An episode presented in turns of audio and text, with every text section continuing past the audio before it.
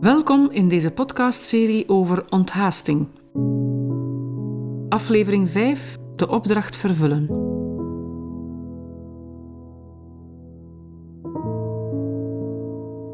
De menselijke wijsheid heeft wegen gezocht en gevonden om met de tijd om te kunnen. Maar hoe doen christenen dat? Bestaat er ook een specifiek christelijke tijd? Jawel. Zoals de tijd voor Jezus een gave van de Vader was, die hem de mogelijkheid gaf zijn opdracht uit te voeren, zo is dat ook voor christenen. God schept de tijd en geeft hem aan ons. De tijd is dus goed. Je mag God danken voor de tijd die je krijgt. Maar de tijd die God geeft is geen lege tijd. Het is geen leeg vat dat je naar believen kunt vullen.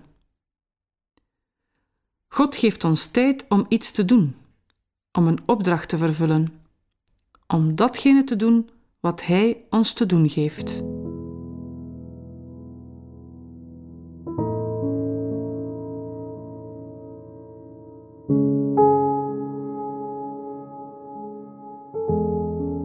In hoofdstuk 4 van het Johannesevangelie is Jezus in gesprek met een vrouw bij een waterput.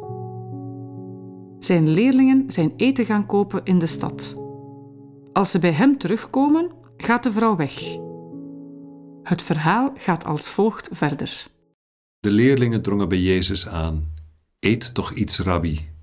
Maar hij zei: Ik heb al iets te eten, voedsel dat jullie niet kennen.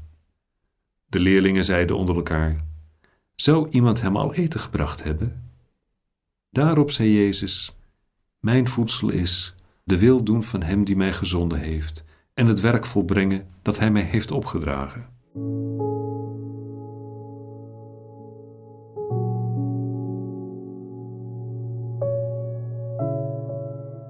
Jezus heeft heel zijn leven niets anders gedaan dan de opdracht uitvoeren die God hem gegeven had.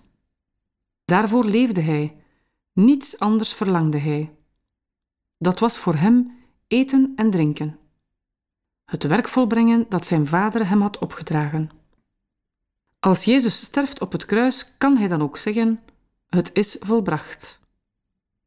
Op dat moment is de tijd voor hem ten einde en keert hij naar de Vader terug.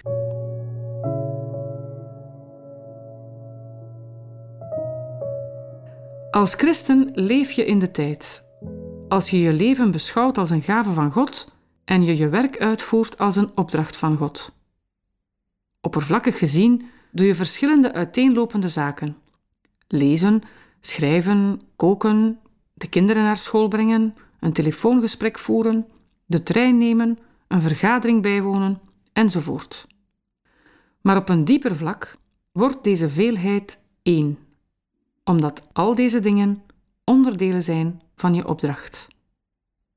Je bezigheden, hoe veelvuldig en verscheiden ook, vloeien samen in één grote taak: Gods wil volbrengen. Je doet allerlei dingen, maar in de grond doe je altijd hetzelfde. En wanneer iemand je vraagt: Wat doe je nu? is het antwoord altijd: Ik zeg ja aan God. Ik voer zijn opdracht uit.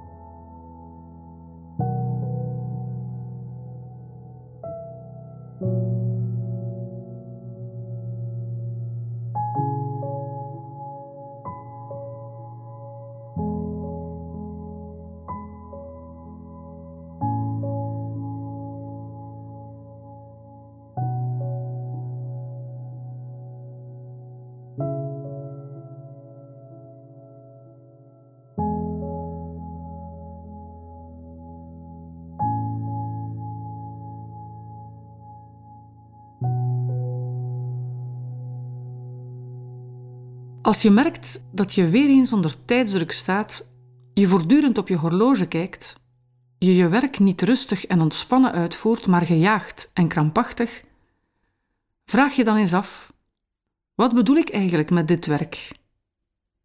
Vraagt God dit van mij? Doe ik het voor God of is het mijn eigen ambitie die me drijft?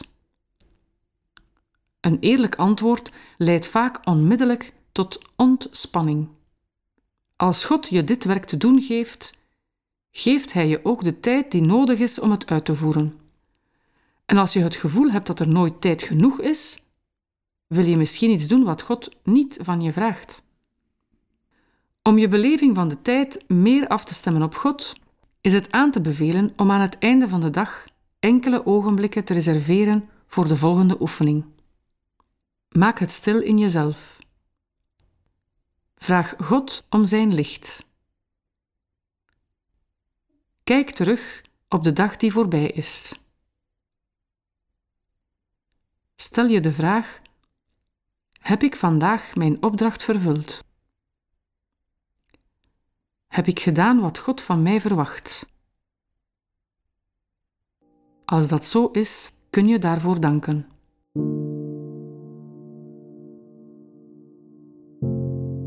Was dat niet zo? Hoe kwam dat dan? Vraag Gods hulp om morgen meer op Zijn golflengte te leven.